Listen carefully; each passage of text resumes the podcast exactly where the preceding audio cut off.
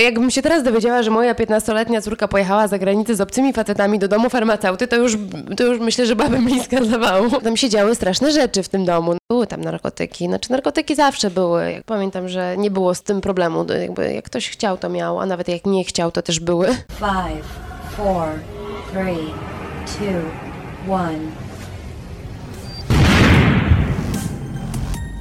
Podcast radioaktywny.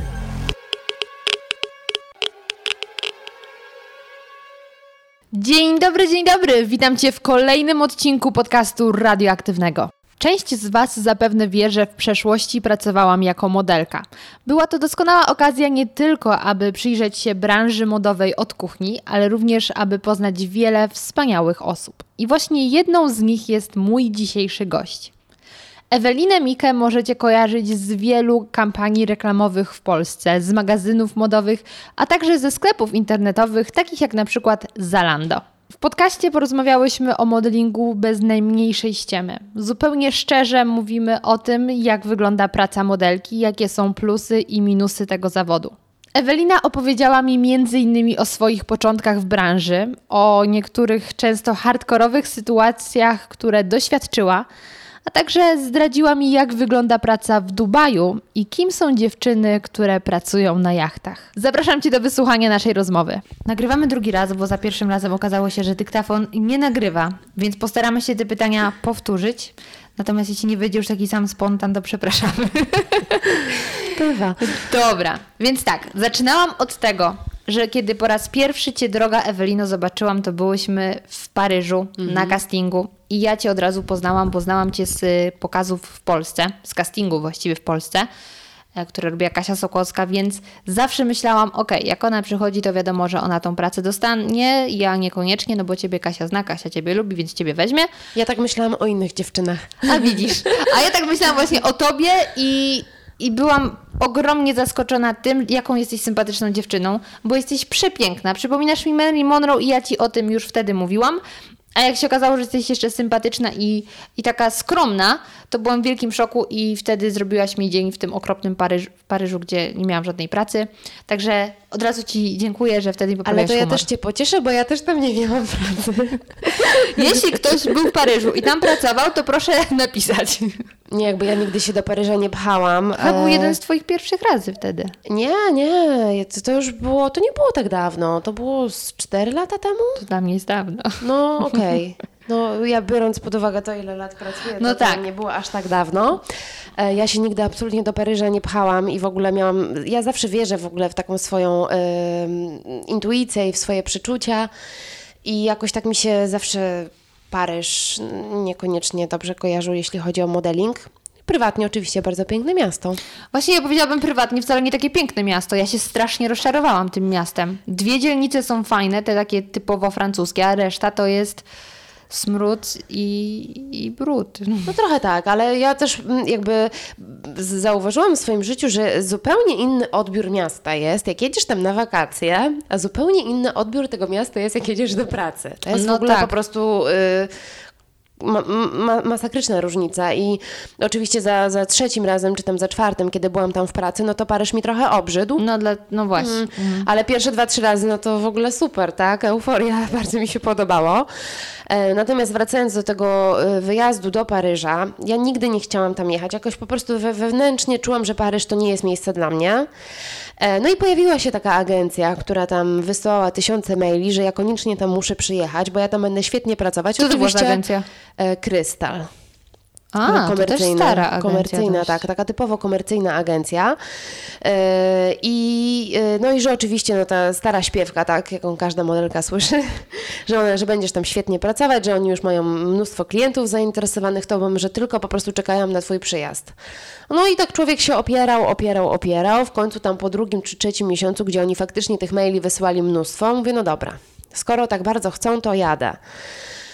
No ale przeczucie mi nie myliło y, i faktycznie Agencja sama w sobie nie była zła, bo tam dziewczyny robiły dużo fajnych prac, jakieś tam kampanie kosmetyczne, e, La Roche-Posay czy tam Vichy. To naprawdę są bardzo dobre prace za naprawdę Mhm. super pieniądze. To bardziej komercyjne, więc Komercyjne. zawsze więcej niż na wybiegu się zarobi. Oczywiście i nawet, nawet opłaca się te prace robić, biorąc pod uwagę to, że y, paryskie agencje zaraz za- zabierają 70%. Boże. Przeliczmy to, idziemy do pracy za 1000 euro, dostajemy 300 dokładnie. E, ale to naprawdę są na tyle jakby wysokie stawki, że nawet jak ci te 70% odejmą, to i tak jest sporo pieniędzy, więc to się opłaca.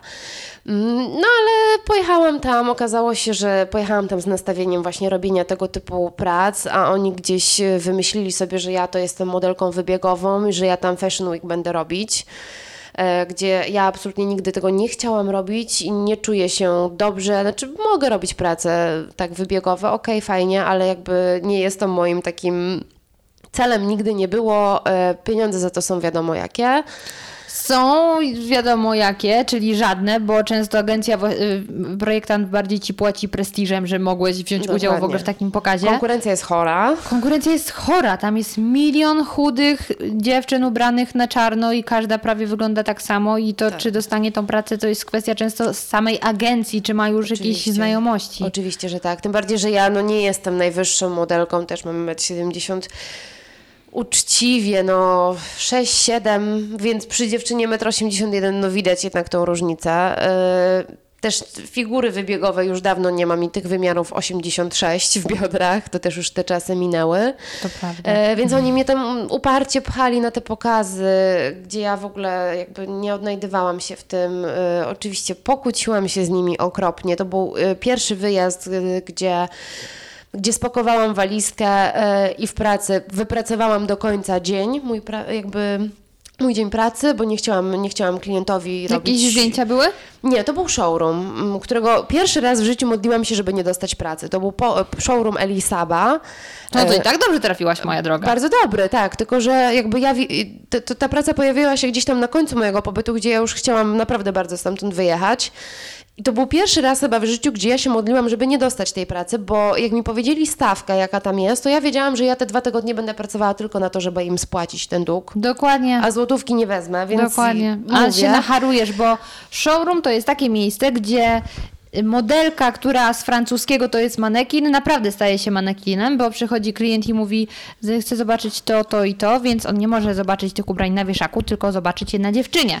Więc co chwilę prze, em, przymierzasz milion ubrań, nie masz czasu właściwie usiąść, bo jeszcze ktoś przyjdzie. Ja na przykład pracowałam w showroomie Wetmont, oni wtedy mieli swój debiut na Fashion Weeku, więc wyglądałam jak menel. Przy ta ich kolekcja to jest no menelstwo. No tak, A t- dzięki temu trafiłam w sumie do Woga, bo sfotografowali nas i teraz są marką, ale mm, pracowałyśmy w piwnicy. I to, że naszym tam, naszym klientem był Kanye West i przyjechał ze swoim Kim Kardashian, dla mnie nie zrobiło wrażenia, bo ja przez cały dzień nic nie jadłam i byłam zmarznięta jak diabli. Więc showroom to jest największe zło. Dokładnie. Ja pamiętam, że w ogóle ten showroom y, wspominam bardzo traumatycznie, bo tak jak ja się tam nacharowałam, to się chyba nie nacharowałam nigdy. To była naprawdę bardzo ciężka fizyczna praca. Klientów u, w- u Eliego Saba było od rana do nocy mnóstwo. On po prostu miał ten notesik zapisany jeden po drugim, jeden po drugim od godziny 8 rano do godziny 22. Było nas tam chyba cztery. I e, no to, to, to, to było po prostu bieganie cały dzień z góry do dołu, po schodach z góry do dołu, przebieranie się w sukienki. Jak e, trzy dziewczyny pracowały, to w tym momencie jedna mogła skorzystać z toalety, ewentualnie coś szybko zjeść w międzyczasie, ale de facto przerwy oficjalnej to tam nie było, bo nie No było... i w sumie po co modelki mają jeść? No tak. Generalnie przy, przy moim rozmiarze buta 39 yy, to tak zaczynałam yy, rano, zakładałam mój rozmiar, a tak o godziny 15 to już moja stopa w 41 ledwo co się mieściła. I pamiętam taką właśnie sytuację, że naprawdę było bardzo ciężko, tak fizycznie, już ledwo co stałam na tych nogach. I była taka Brazylijka, która tam już któryś sezon pracowała u tego Eliego Saba i ona mówi, słuchaj, jak już nie masz tak naprawdę siły i chce ci się wyć, to sobie przypomnij, ile tutaj zarabiasz. Ja się tak na nią patrzę. I zaczęłaś wtedy płakać. I mówię, no tak, tak powinnam zrobić. I mówię, no oczywiście do- doszło do tego jakby tematu, no okej, no ale ile tutaj, przecież to są śmieszne pieniądze, tak? No i się okazało, że tak naprawdę stawka, którą podała mi agencja, była właściwie dziesięciokrotnie mniejsza niż faktyczna stawka, którą ja tam zarabiałam. Na zasadzie 200 euro, a 2000 euro. Znaczy różnica kolosalna, tak? Jak się dowiedziałam, że oni tak bardzo po prostu lecą sobie w kulki, no to wpadłam w szał, że tak powiem. Oczywiście klienta wina żadna, no bo to nie klient, nie klient oszukiwał. E, Więc powiedziałam, że słuchajcie, to ja tutaj dopracuję do końca tego dnia, chociaż wiedziałam, że i tak złotówki z tego już przecież nie zobaczę, no ale co tu robić, komuś problem. E, powiedziałam agencji, oczywiście mm, ja awantura się wielka nakręciła i tak dalej, i tak dalej. Powiedziałam, że dziękuję, że muszę sobie szukać na, na jutro i na kolejne dni kogoś Innego na frajera. Tak. y, I powiedziałam, że ja jutro rano wyjeżdżam z Paryża. Jeszcze byli na tyle uprzejmi, że zamiast przeprosić, y, jak, jakkolwiek wybrnąć z tej sytuacji, e, bo to też nie było tak, że ja tylko z tą dziewczyną porozmawiałam. Oczywiście zrobiłam tam research, tak? Się okazało, że wszyscy mają taką stawkę, tylko ja mam dziesięciokrotnie mniejszą. Tak, bo to i tak nie była twoja stawka na rękę, tylko z tego zaczynałaś dopiero spłacać dług. Tak, tak, tak, Z tak. tych 30%. Dokładnie. E, no to byli jeszcze na tyle mili, że na koniec powiedzieli mi, że nie mam gdzie spać e, dzisiejszej nocy, bo mam się wynieść z mieszkania. E, tyle, co, co mm, akurat sytuacja była taka, że oni podnajmowali pokój u takiego mm, prawnika, z którym się zaprzyjaźniłam, jak tam mieszkałam, bardzo fajny chłopak.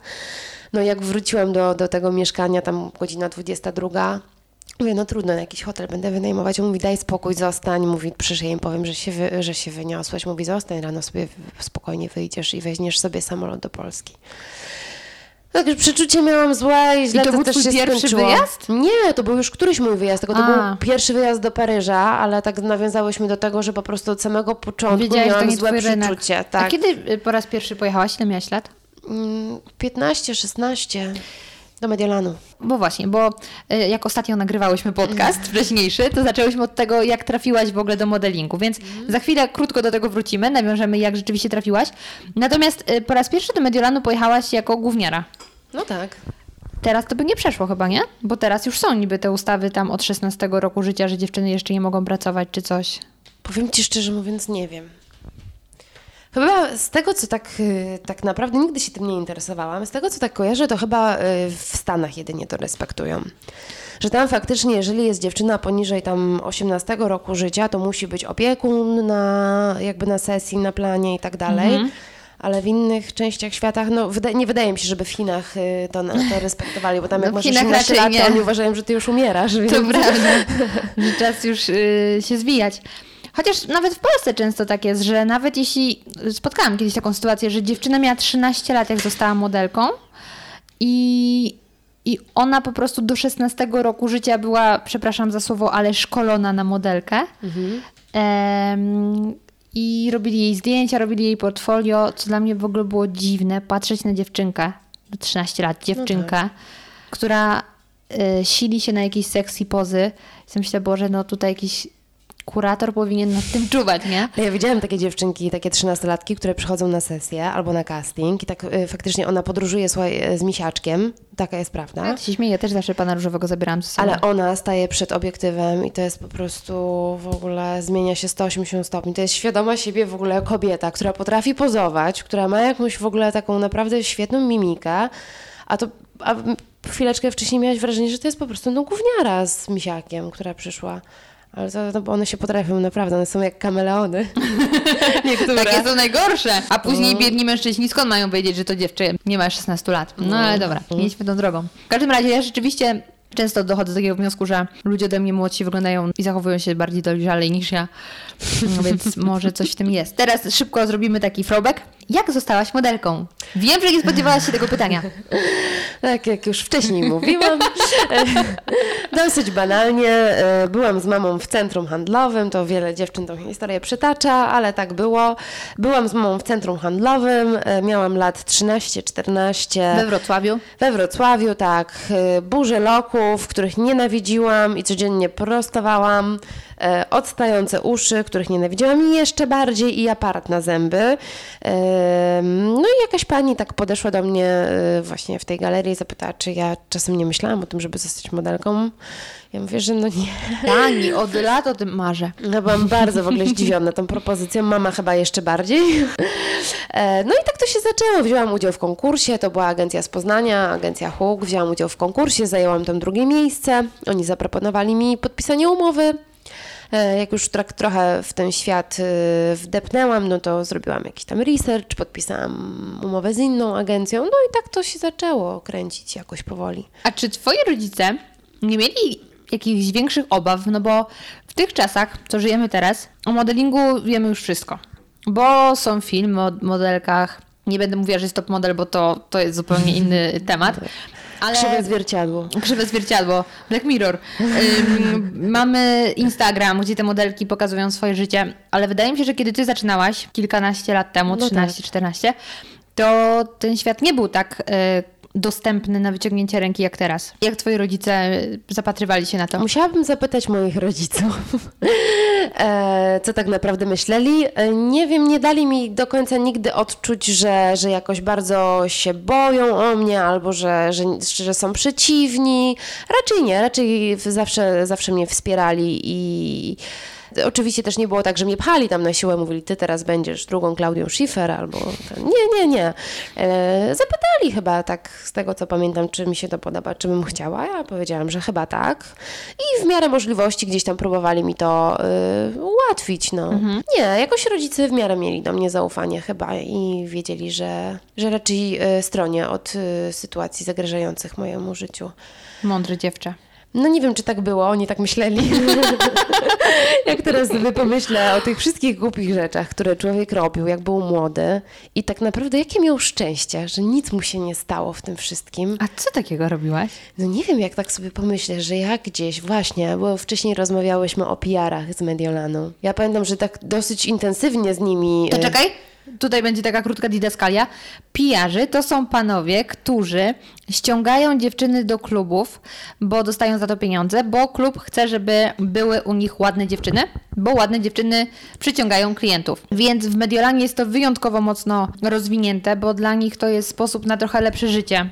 Dostają pieniądze, bujają się z ładnymi dziewczynami, więc na imprezę najłatwiej trafić właśnie w Mediolanie. I w ramach y, tego zaproszenia najpierw jest kolacja więc y, dla dziewczyn, które na co dzień nie jedzą zbyt dużo, bo po prostu często nie mają pieniędzy, żeby nawet kupić, to taka kolacja to jest ekstra sprawa. A później jest impreza, na którą dziewczyny idą, bo niejako muszą się odwdzięczyć, natomiast nie muszą tam nic złego robić, można się pobawić, można się napić za darmo oczywiście, ale nie ma to takiego oddzięku, że idziesz tam i należysz do jakiegoś bogatego pana i musisz nie, mu służyć. Absolutnie. No właśnie, pamiętam, że ja tam się bardzo zaprzyjaźniłam z panami PR-ami, tam dwóch chyba, czy trzech takich było. Mitch, jeden się nazywał, a dwóch pozostałych, nie pamiętam, bracia Gap i jego młodszy brat, taki, kurczę, nie pamiętam. To było na pierwszym wyjeździe? No. Jako ta 16-latka, 15? Tak, tak, tak. I generalnie y, miałam szczęście, bo oni tak potraktowali mnie y, chyba jak taką swoją po prostu młodszą koleżankę.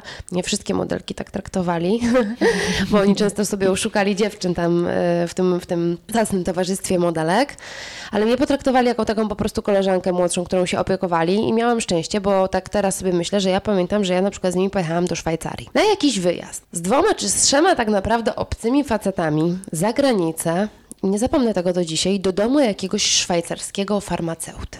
Brzmi... Przed użyciem zapoznaj się z treścią ulotki. Tak, brzmi już, na, na, jakbym się teraz dowiedziała, że moja 15-letnia córka pojechała za granicę z obcymi facetami do domu farmaceuty, to już, to już myślę, że babę bliska zawału. To brałabyś już APAP na ból głowy. Tak. I ja pamiętam, że generalnie tam się działy straszne rzeczy w tym domu. No to no były tak, były tam narkotyki. Znaczy narkotyki zawsze były, jakby i wszędzie były. I jakoś tak pamiętam, że nie było z tym, jest z tym problemu. Jakby jak ktoś chciał, to miał, a nawet jak nie chciał, to też były. Ja nigdy nie trafiłam. Ja trafiłam i jakoś tak y, no, nigdy nie korzystałam, bo jakby znam siebie i, i, wiem, że jestem podatna na uzależnienia, dlatego też z tego tytułu nigdy, nigdy nie wchodzę w takie rzeczy, po prostu jakby wiem, że jestem za słaba. E, ale były oczywiście, były no już takie tematy dla dorosłych bardziej zarezerwowane na tych wyjazdach i pamiętam, że jakby gdzieś tam były takie sytuacje, że zaczęłam się zastanawiać, czy ja naprawdę jestem bezpieczna. Nic się nie wydarzyło, tak jak mówię, całe szczęście. Wróciłam cała zdrowa z powrotem. No ale mogło potoczyć się to inaczej, tak, tak teraz sobie myślę z perspektywy czasu. Ja też miałam w Mediolandzie taką jedną akcję, że zaczęłam się zastanawiać, czy to na pewno był dobry pomysł. Kiedy poszłyśmy na jakąś imprezę, ale słuchaj, nawet nie z PR-ami, tylko koleżanka modelka Polka zamieszkała w Mediolandzie z jakimś chłopakiem. Jechaliśmy na jakąś kolację urodzinową i on upity w trzy dupy prowadził. Tylko wiesz, to jest medio.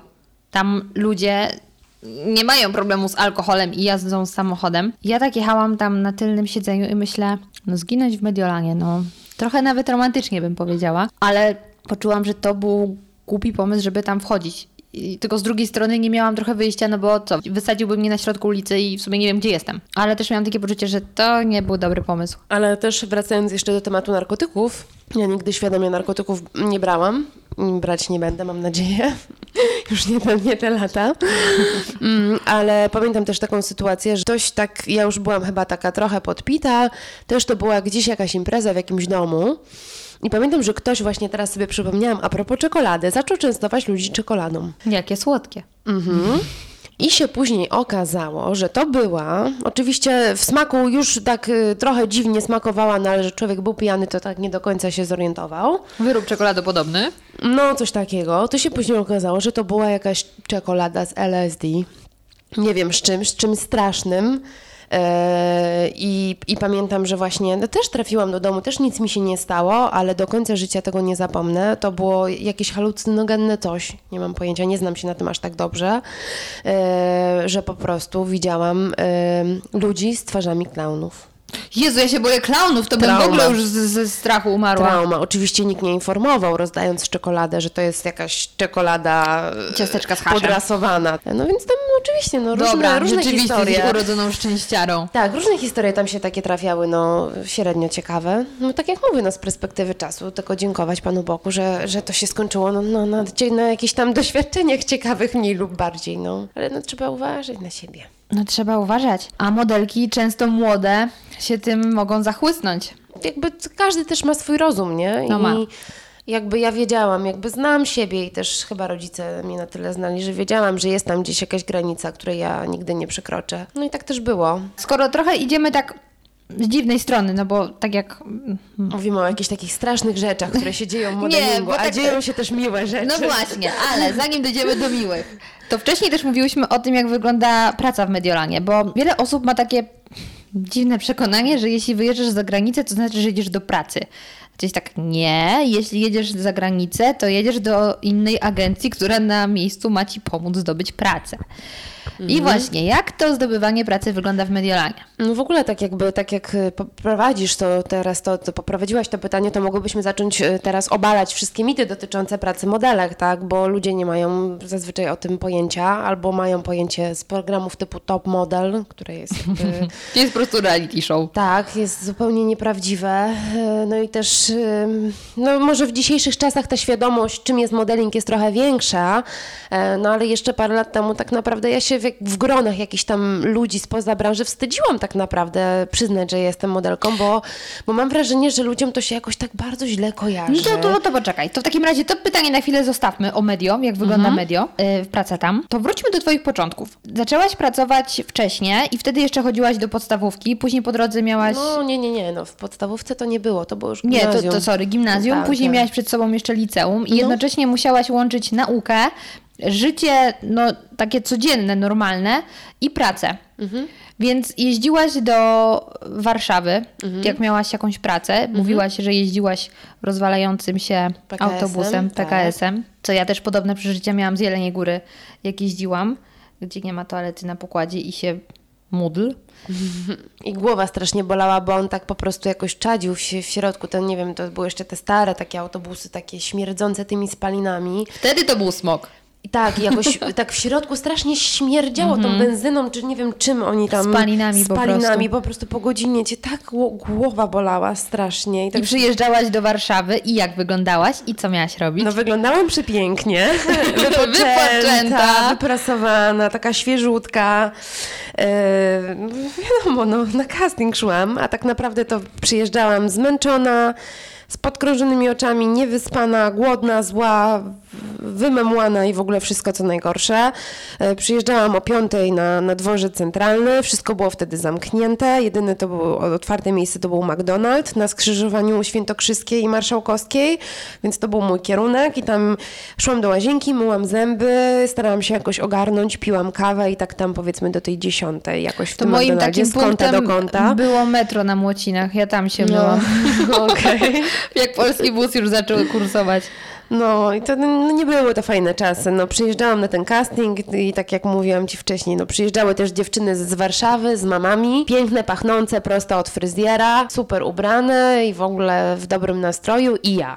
No i tak jak mówiłyśmy sobie, zadawałam pytanie sobie, Boże, co ja tutaj robię? Tak. I ja wtedy też opowiadałam historię, jak ja poszłam na mój pierwszy y, casting y, z Sowitelu. Y, Wtedy się zastanawialiśmy, jak się ten hotel nazywa, teraz już wiemy.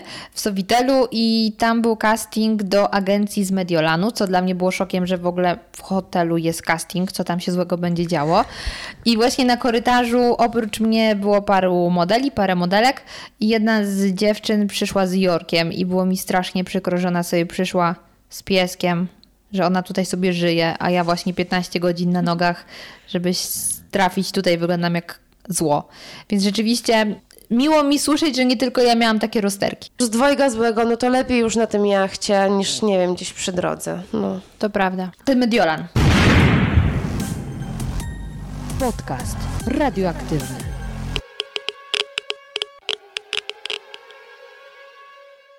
A propos tego, jak wygląda praca, jest milion dziewczyn i się stoi w tych kolejkach i właśnie wtedy czeka się, żeby móc pokazać się klientowi i ewentualnie dostać pracę, a nie, że ty jedziesz do Mediolanu, bo masz pracę. Rzadko to się zdarza, że jedziesz na direct. Zwykle jedziesz na castingi i właśnie stoisz w tych strasznie długich kolejkach, później dajesz swoją kompozytkę, czyli kartkę ze swoimi zdjęciami i wymiarami. Ci ludzie wtedy mówią, to proszę się przejść, po czym ci mówią dziękuję. Bo klient z góry nie powiedział, szukam dziewczyny takiej i takiej, tylko przychodzą wszystkie z całego miasta, wszystkie typy urody, figury, pochodzenia, wiek i, i to jest strata czasu. Czy coś dorzucisz do tego, jak wygląda praca w Mediolanie? Ogólnie mogłabym tak y, już po tych 13 latach pracy w, w tej branży podsumować to. E, I tak właśnie ostatnio miałam takie przemyślenia. Właśnie wróciłam z kontraktu w Dubaju, gdzie spotkałam inną dziewczynę. Zaraz mi się wróci do Dubaju, bo wiesz, że ten E, temat jest gorący. Tak, inną dziewczynę też w moim wieku, 28-letnią, tak Norweszkę. I ona też dosyć długo pracowała i tak właśnie wspólnie wyciągałyśmy jakieś takie wnioski, podsumowywałyśmy to, jak to wszystko teraz wygląda, jak to wyglądało. Co, co mówią agencje, co, co mówią inni ludzie, jak to, jak to jest naprawdę i czy te wszystkie rynki typu Mediolan, Paryż, Londyn, Nowy Jork, y, nie wiem, Hongkong, Istanbul, czy one mają coś wspólnego, czy nie. Ja myślę, że o tym naprawdę można byłoby napisać naprawdę, naprawdę dobrą książkę. Taki przewodnik po modelingu. Tak, to też y, zmienia się, bo kiedyś było inaczej, teraz jest inaczej. Ja pamiętam, no jakby mm, praca modelki jest trochę taką pracą absurdą. Mm, Ja w Mediolanie byłam parę razy, spędziłam tam jakby to wszystko do kupy zebrać może z dwa lata. I różne ciekawe rzeczy się tam działy i, i, i na przykład, y, no pamiętam takie sytuacje, gdzie mm, mm, skautka z agencji Fashion, Weronik, bardzo fajna bukerka, niestety już tam nie pracuje, przyjechała do Warszawy. Skautka, czyli osoba, która szuka nowych y, modelek. Tak, tak, dokładnie. Przyjechała do Warszawy, ja akurat się pojawiłam na castingu do tej agencji i ona, i to był czas, gdzie ja bardzo, bardzo dużo trenowałam i naprawdę zdrowo jadłam i naprawdę dużo pracowałam nad swoim ciałem i wyglądałam, muszę przyznać, super i sama super się ze sobą wtedy czułam.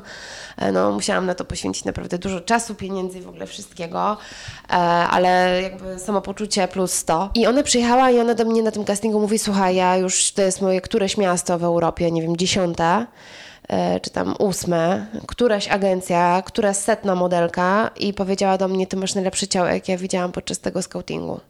Pamiętam, że mi się zrobiło tak strasznie miło, że ktoś wreszcie docenił tą moją ciężką pracę, te ostatnie pół roku codziennych, tam dwugodzinnych po prostu ćwiczeń, takiego katowania się, gdzie ja nie jestem jakimś takim super usportowionym typem.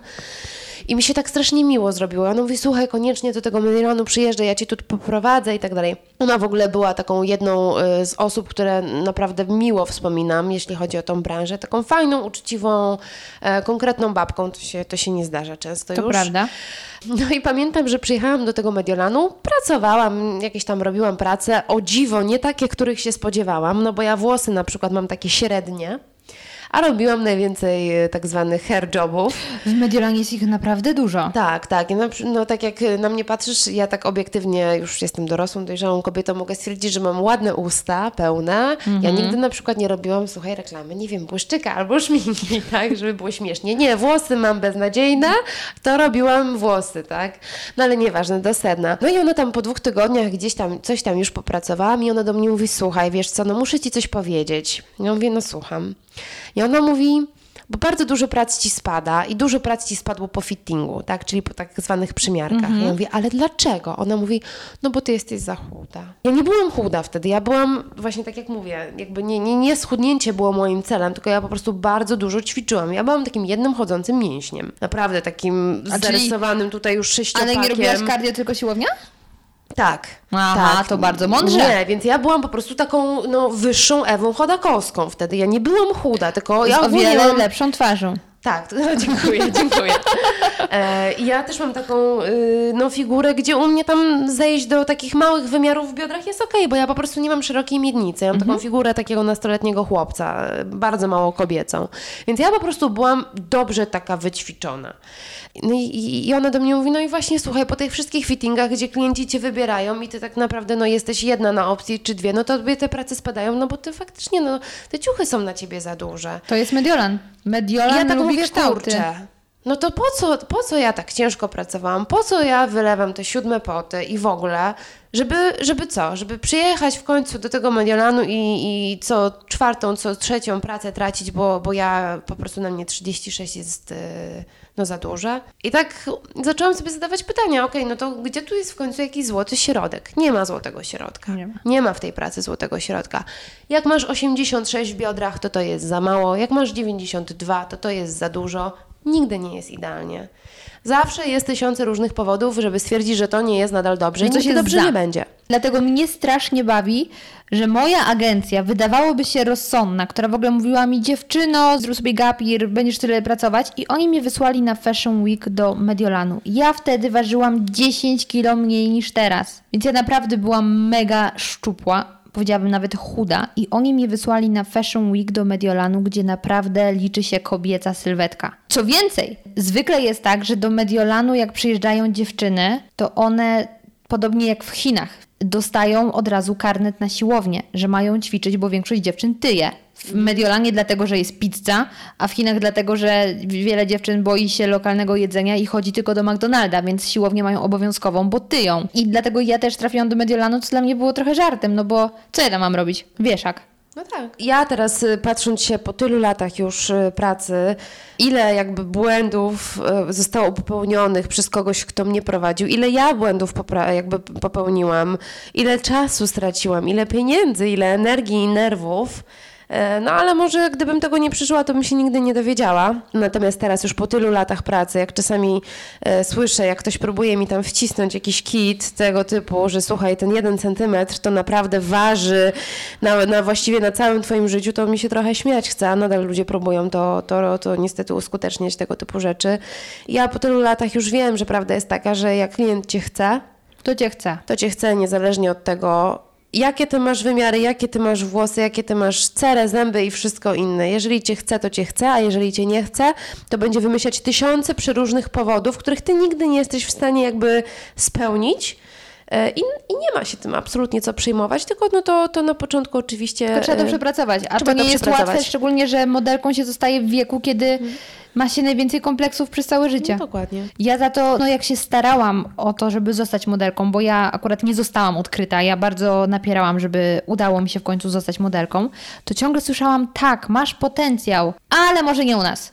I wiesz, zanim znalazłam moją agencję, słyszałam to milion razy, odeszłam z modelingu i znowu mnie ludzie zaczepiali na ulicy, zaczepiają dalej, mówią, Czy nie chciałabyś być ty modelką? powiedzieć być modelką, mówię, dzięki, już byłam. A to koniecznie musisz u nas zostać. Ja mówię, ale i tak mi zaraz powiecie, że mam potencjał, ale dzięki.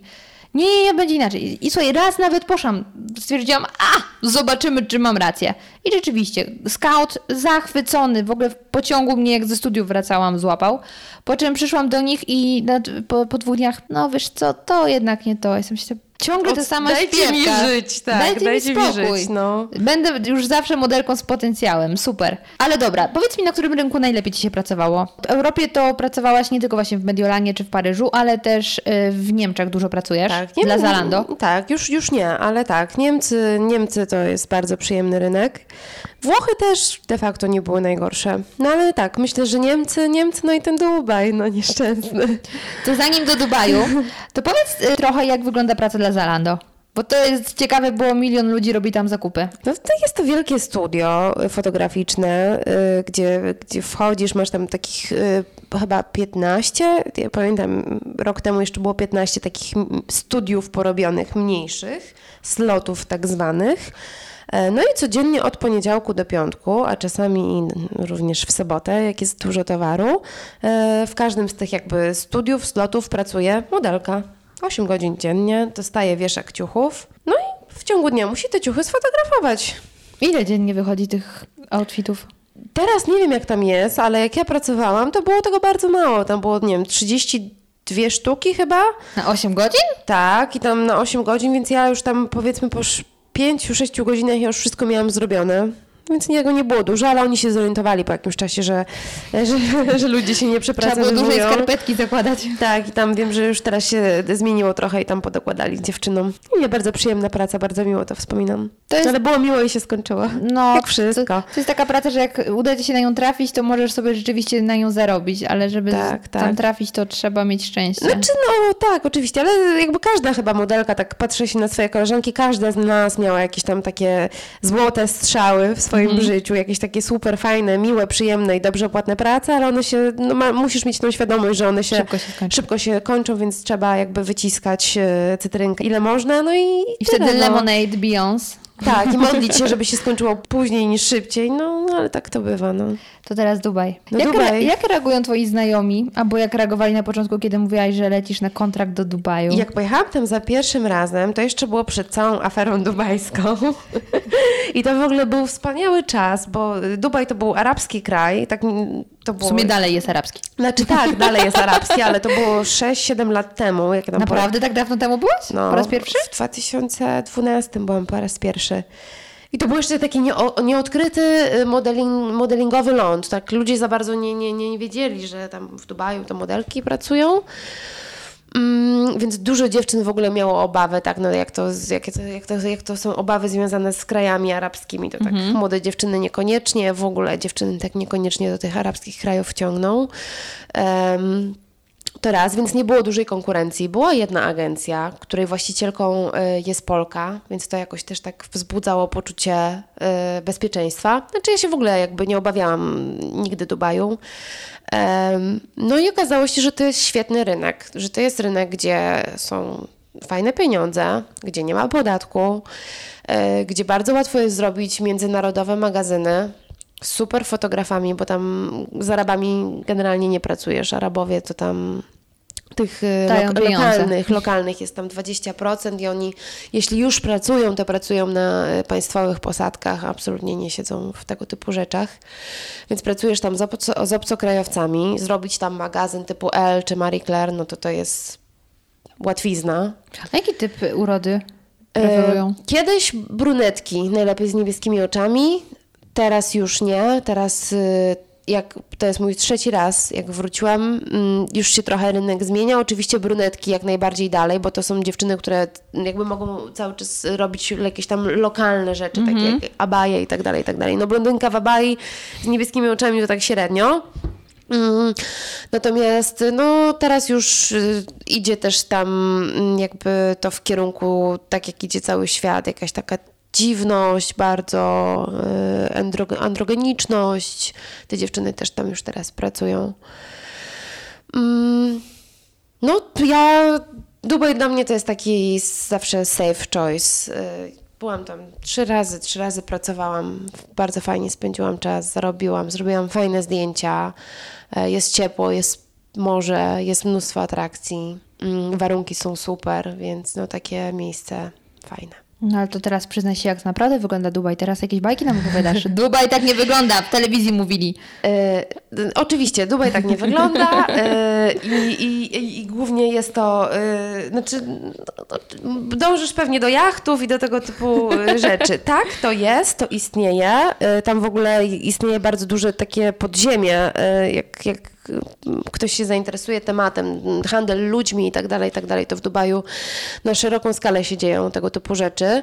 No ale są też oczywiście jachty, imprezy i te wszystkie takie prace imidżowe. Nie robią tego co do zasady modelki. Robią to nasze zazwyczaj, oczywiście nie generalizując, bo nie w 100%, ale głównie nasze koleżanki z za wschodniej granicy Rosjanki. I tam nawet poznałam taką dziewczynę i tak jak już z wiekiem mogę stwierdzić, nie wszystko jest czarne i nie wszystko jest białe. Oczywiście jest to prostytucja, trzeba to nazywać tak, jak to się nazywa, znaczy tak, tak jakby jak, jak, to, jak to wygląda.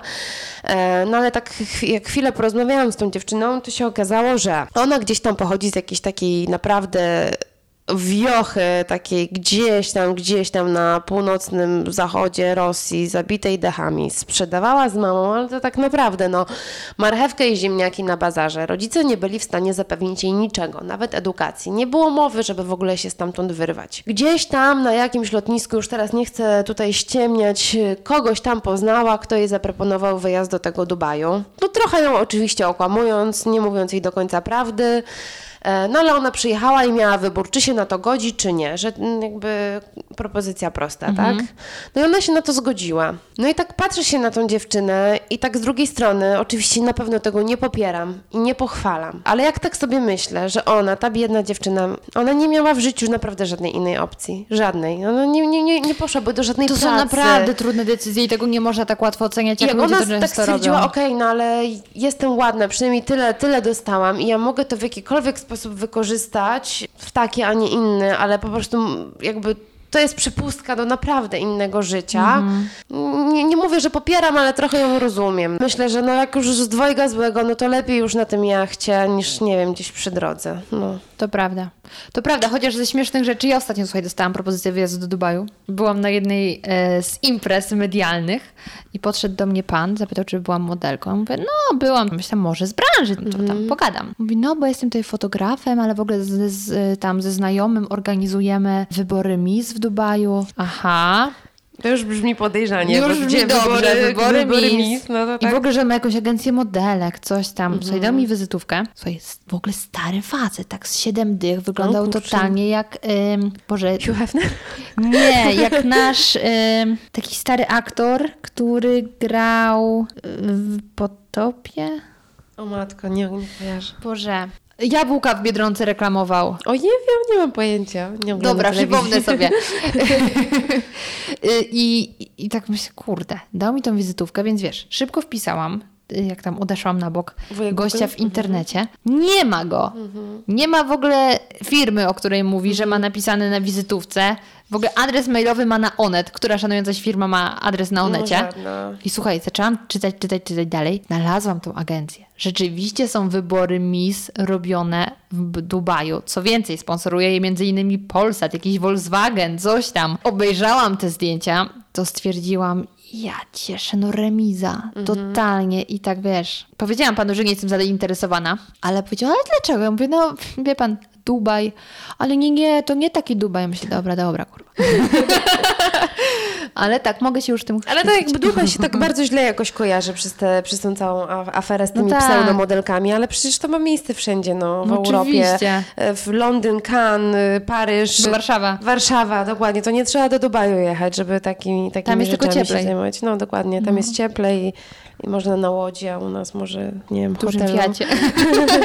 A powiedz mi, w Azji, gdzieś w Chinach pracowałaś? Nie, nie, nie. Jakoś Chiny zawsze omijałam szerokim łukiem, bo to nie na mój charakter, tak mi się coś wydaje. Znaczy słyszałam bardzo dużo historii, to też jest kolejne miejsce, jakby mówiłyśmy wcześniej o przeczuciach, e, intuicji. Nie, jakby intuicja mi zawsze mówiła Chiny nie i nawet jak słyszałam o tych niebotycznych kontraktach i o tych wielkich pieniądzach, to, to Tak. Chiny nie. Mhm. E, I byłam tam w tym roku na, na wakacjach takich e, miesięcznych. Tak od północy do południa zwiedzaliśmy i tylko się upewniłam w decyzji, że dobrze, że nigdy mnie tam nie było w pracy. Bo na wakacjach wszystko wygląda lepiej, co już wcześniej Tak, a to już mówiłyśmy. wyglądało źle. Nie, nie. Ale teraz creme de la creme, bo żebyśmy spotkały się na podcast. To nie było łatwo, bo ty ciągle pracujesz, ale oprócz tego, że ja mogę obserwować twoje piękne życie na Instagramie, te po prostu piękne miejsca, które zwiedzasz, to ja cię bardzo często widzę na mieście. Nawet jeśli cię nie ma wtedy w Polsce. Bo twoja piękna twarzyczka bardzo często pojawia się w reklamach, na billboardach. Ostatnio kojarzę Contigo, No tak, tak. E, no Lays. Lays to jest w ogóle, uwielbiam cię jedzącą chipsy. I jak tak. jem chipsy, to zawsze sobie myślę, no skoro ty możesz je jeść, to ja też mogę. I powiedz mi, jak to jest robić, em, albo nawet nie robić, jak to jest widzieć siebie na billboardach i w telewizji, w reklamach? Robi to na tobie wrażenie? Nie chcę taka pesymistyczna bardzo być w tym, co mówię. Kiedyś na pewno robiło, no bo teraz już nie, aczkolwiek no zawsze miło jest zobaczyć siebie gdzieś na jakimś większym formacie. No oczywiście, że tak, no to, to jest miło, a nawet jest, mm, może nawet nie mi samej, ale jak mama widzę, że się cieszy i Wiesz, jak babcia... ja się cieszę? I babcia to tak, No. e, to, jest, to jest na pewno fajne. Tak, no fajnie widzieć jakieś takie efekty mm, swojej pracy gdzieś, no bo bardzo dużo ludzi wykonuje pracę i nie widzi jakby takich realnych efektów, Mhm. tak. To, to jest takie bardzo namacalne i na pewno jest to fajna pamiątka też i miło, no, miło, tak można to... A miałaś jakieś śmieszne sytuacje związane z tym, że ktoś cię poznał, że jesteś z reklamy? Że właśnie jadłaś chipsy albo byłaś w PKO? Tak zupełnie y, z obcy, tak nie, tak, że ktoś na ulicy do mnie podszedł, nie, nie, nie, tak to nie, ale tak faktycznie jak ludzi gdzieś poznawałam, jakichś bliższych, dalszych znajomych, tak mówili, no jakaś taka znajoma twarz gdzieś ci tam kojarzę, ale tak nie, na ulicy nigdy nie, nie miałam tego typu sytuacji, nie no, jakby, chyba nie było to aż na taką skalę. Aczkolwiek często też byłaś e, w Avanti, kojarzę, w No. gazetach, też chyba na okładkach. No, zdarzało się. Miałaś tak, bo wiem, że niektóre dziewczyny tak miały, że specjalnie szły do kiosku kupić tą gazetę i patrzyły się na babkę, żeby poznała ich, że jest na okładce. O Jezu, nie. Nie miałaś, tak? Nie, nie, nie, nie, nie, nie, nie. Ja to jestem e, wbrew jakby mojemu e, zawodowi, który trochę temu przeczy. Ja jestem raczej taką osobą raczej skromną i tak w życiu prywatnym absolutnie w ogóle nie lubię być w centrum uwagi i w ogóle nawet w pracy nie lubię być w centrum uwagi i Co śmieszne, bo pracowałaś w TVN. no tak, tak, ale jakby y, jak ludzie się na mnie patrzą i jest ich za dużo, to ja się zaczynam krępować. Em, więc absolutnie nie i raczej jakieś e, sława i tego typu rzeczy jakoś tak bardziej mnie przerażają, jak o nich pomyślę i o tym, że ktoś mógłby się gdzieś na mnie patrzeć, czegoś ode mnie chcieć, albo że ja bym miała stać w jakimś e, błysku fleszy na jakiejś ściance, to jakoś tak e, zupełnie nie, nie są moje klimaty, szczerze mówiąc. A powiedz mi, na ile łatwo, albo na ile trudno jest podłapać taką pracę, właśnie kampanię e, dla większej firmy, bo no, wydawać by się mogło, że jak już zrobiłaś jedną, masz w portfolio, no to jesteś sprawdzona i łatwiej cię wezmą, ale czy rzeczywiście ten proces, że przychodzisz na casting mówią, o Boże, to ty jesteś tą dziewczyną, którą chcemy, tak to wygląda, czy jest to już młodny proces? Nie, jest to już proces. Zależy to od bardzo, bardzo wielu czynników. Na pewno od doświadczenia i od portfolio w jakim stopniu też. Natomiast y, między tak naprawdę modelką a klientem y, dzieje się tysiące rzeczy, o których modelka i klient tak naprawdę nie, jakby wydaje mi się, że nawet nie, nie mają pojęcia do końca. Przede wszystkim między modelką a klientem jest y, agencja i to, że ty na castingu spodobałaś się klientowi i on faktycznie chciał cię do tej pracy zatrudnić, wcale nie oznacza, że cię zatrudni. Mogło się wydarzyć tysiące rzeczy, typu agencja mogła za, zażądać za wysoką stawkę, widząc, że ty się klientowi podobasz i to była stawka zaporowa dla niego mogła, nie wiem, wepchnąć inną dziewczynę, która ma troszeczkę mniej zdjęć w portfolio i bardziej jej się przyda ta kampania niż tobie. Albo cokolwiek innego mogło się okazać, że Booker... E, Był niemiły. wszystko tak naprawdę, wszystko, że coś się nie zgrało w czasie. No naprawdę tysiące, tysiące różnych e, opcji, czy, dlatego czasami nie ma się, znaczy w ogóle nie ma sensu e, się zastanawiać, dlaczego ja tej pracy nie dostałam, bo to e, powód, że nie dostałam jej, bo byłam za brzydka albo za niska zazwyczaj jest najmniej trafnym powodem. No na pewno portfolio pomaga, na pewno doświadczenie pomaga, ale z tym portfolio też jest tak, że je wiecznie trzeba aktualizować. Ono nigdy nie jest wystarczająco dobre. Jak już jest wystarczająco dobre, to jest stare. To trzeba znowu robić nowe zdjęcia, nowe magazyny, nowe Powiem Ci, że tak naprawdę y, sama nawet jak y, patrzę po sobie, są, są okresy, kiedy nie dzieje się nic. Mam wrażenie, że po prostu, nie wiem, pies, y, pies się mną nie zainteresuje z kulawą nogą, po czym po paru miesiącach dzieje się tak, że dzień za dniem, tydzień za tygodniem trafiają się jakieś super rzeczy, a ja ani nie ścięłam włosów, ani nie cudłam, ani nie przytłam. Tylko jest sezon na twój typ. Tylko po prostu ktoś sobie gdzieś tak ubzdurał i tak właśnie jest. Zależy to od agencji. No, jedne agencje mają dojście do takich klientów, inne do innych. I będąc w jakiejś agencji, nigdy w życiu nawet nie miałaby szansy pokazać się temu klientowi. Tysiące, tysiące różnych rzeczy. I no mówię, książkę można byłoby na ten temat napisać, a i tak nie wiem, czy by się wyczerpało wszystkie możliwości. Dobrze powiedziałeś, że to jest praca absurdu. To jest, to jest bardzo trafne y, spostrzeżenie. No to już tak na koniec. Powiedz mi, czy jest jeszcze jakaś praca w modelingu, jakieś zlecenie, które ci się marzy i chciałabyś zrobić? Czy już robiłaś wszystko, nic cię nie zaskoczy? Bo pierwszej okładki polskiego Woga już nie zrobisz, bo zrobiła ją Ania Rubik. Ja nigdy, ja nigdy aż tak wysoko nie mierzyłam i jakoś e, zawsze miałam e, realistyczne podejście co do swojej osoby. Nie miałam nigdy tysiąca kompleksów, ale też wiedziałam, że no modelką z okładek Woga nie będę.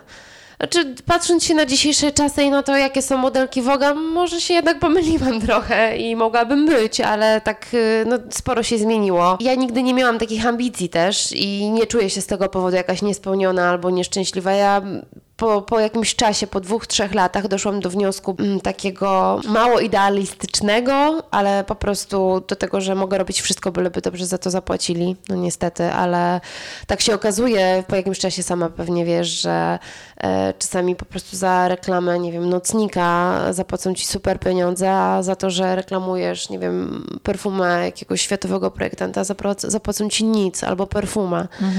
E, I też tutaj prestiż w przeliczeniu na pieniądze to zazwyczaj akurat ma Prestiżem się nie najesz. tak, odwrotny stosunek, więc im bardziej coś jest prestiżowe, tym mniej, mniej, za, to, To mniej za to dostajesz pieniędzy. Więc ja raczej bardziej skupiłam się na pytaniu ile niż y, co to jest. I oczywiście w ogóle no, najfajniej byłoby robić prace, które są i prestiżowe i za duże pieniądze, no ale to już jest ten taki level, do którego ja tak naprawdę no, nawet nigdy nie dążyłam do końca, nigdy się nie poświęciłam tej pracy tak w stu procentach. Zawsze to gdzieś tam było w moim życiu, ale w międzyczasie były studia, byli jacyś tam No faceci. właśnie tutaj y, ze mną siedzi pani magister, która bardzo ciężko pracowała na ten tytuł, także serdeczne moje gratulacje, już tak oficjalne. Dziękuję bardzo. Gratuluję.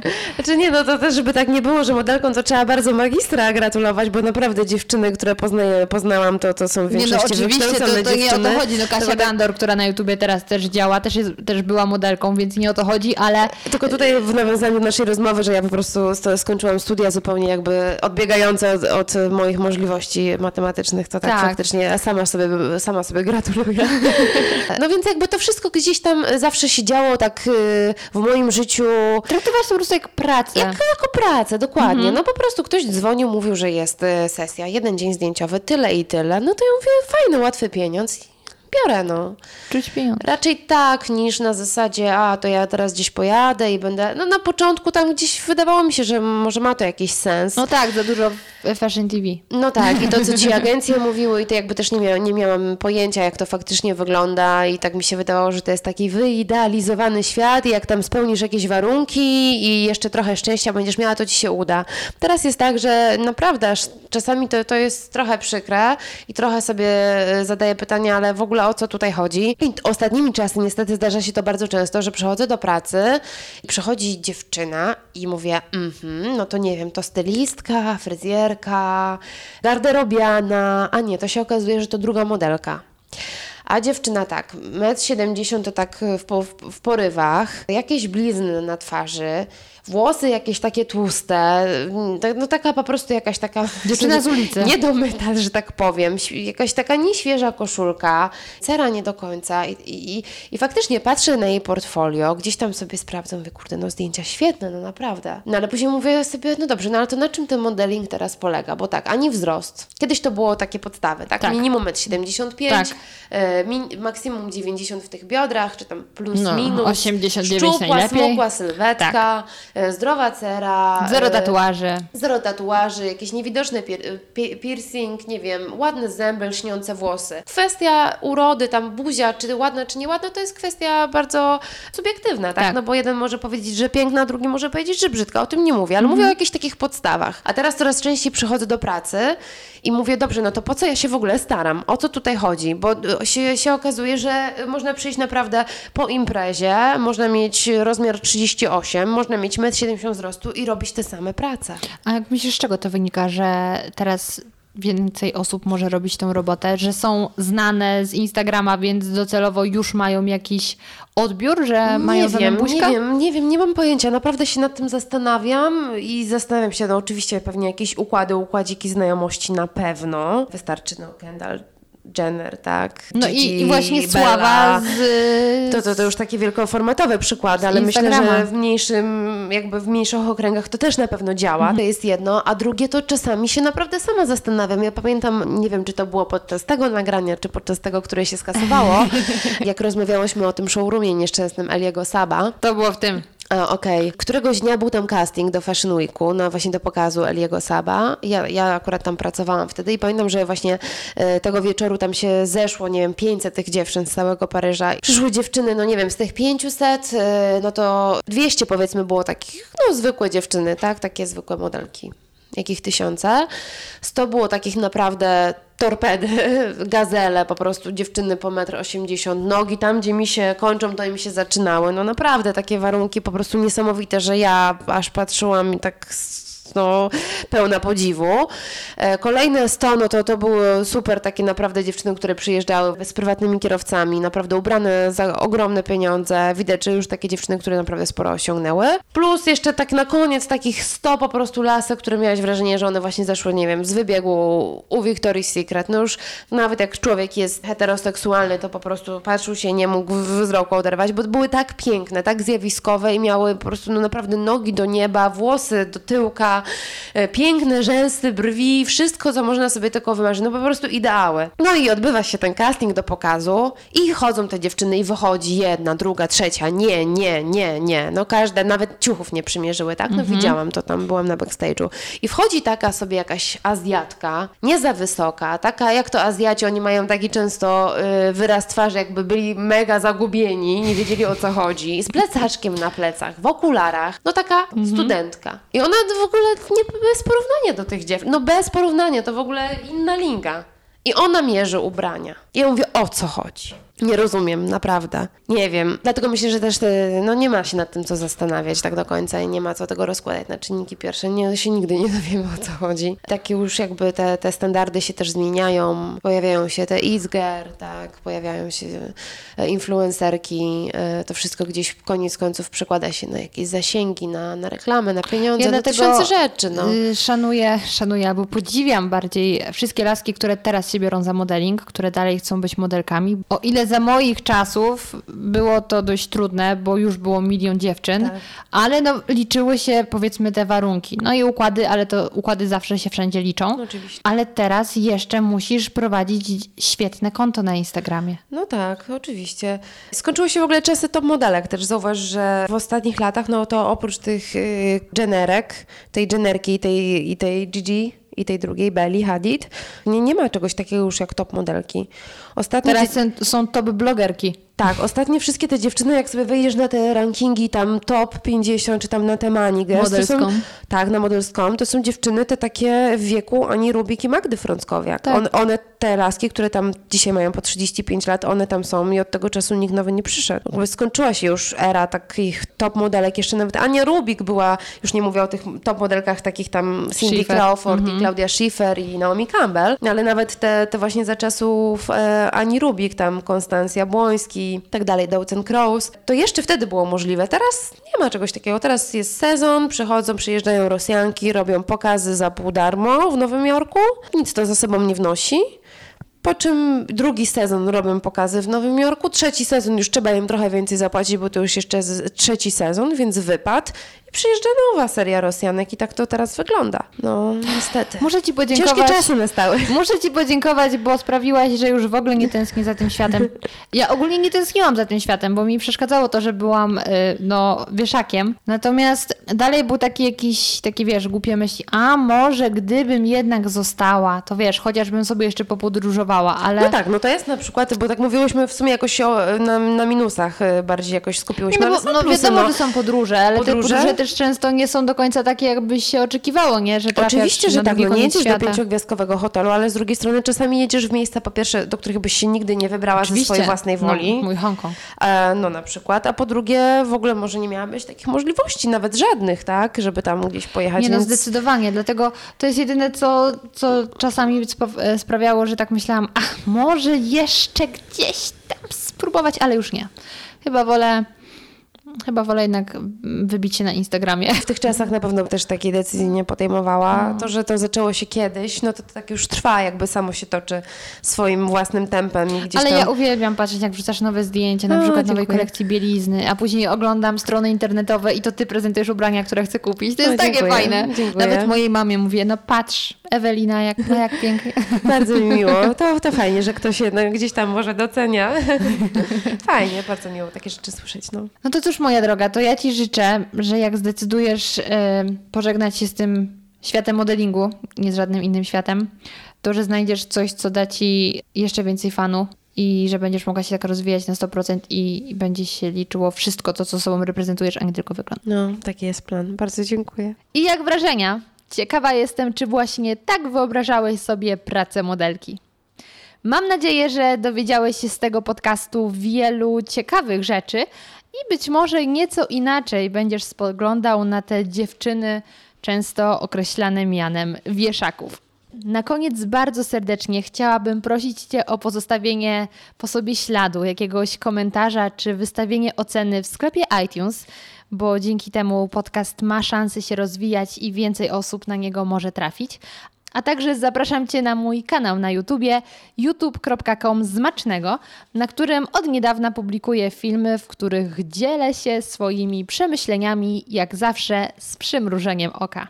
Do usłyszenia w kolejnym podcaście.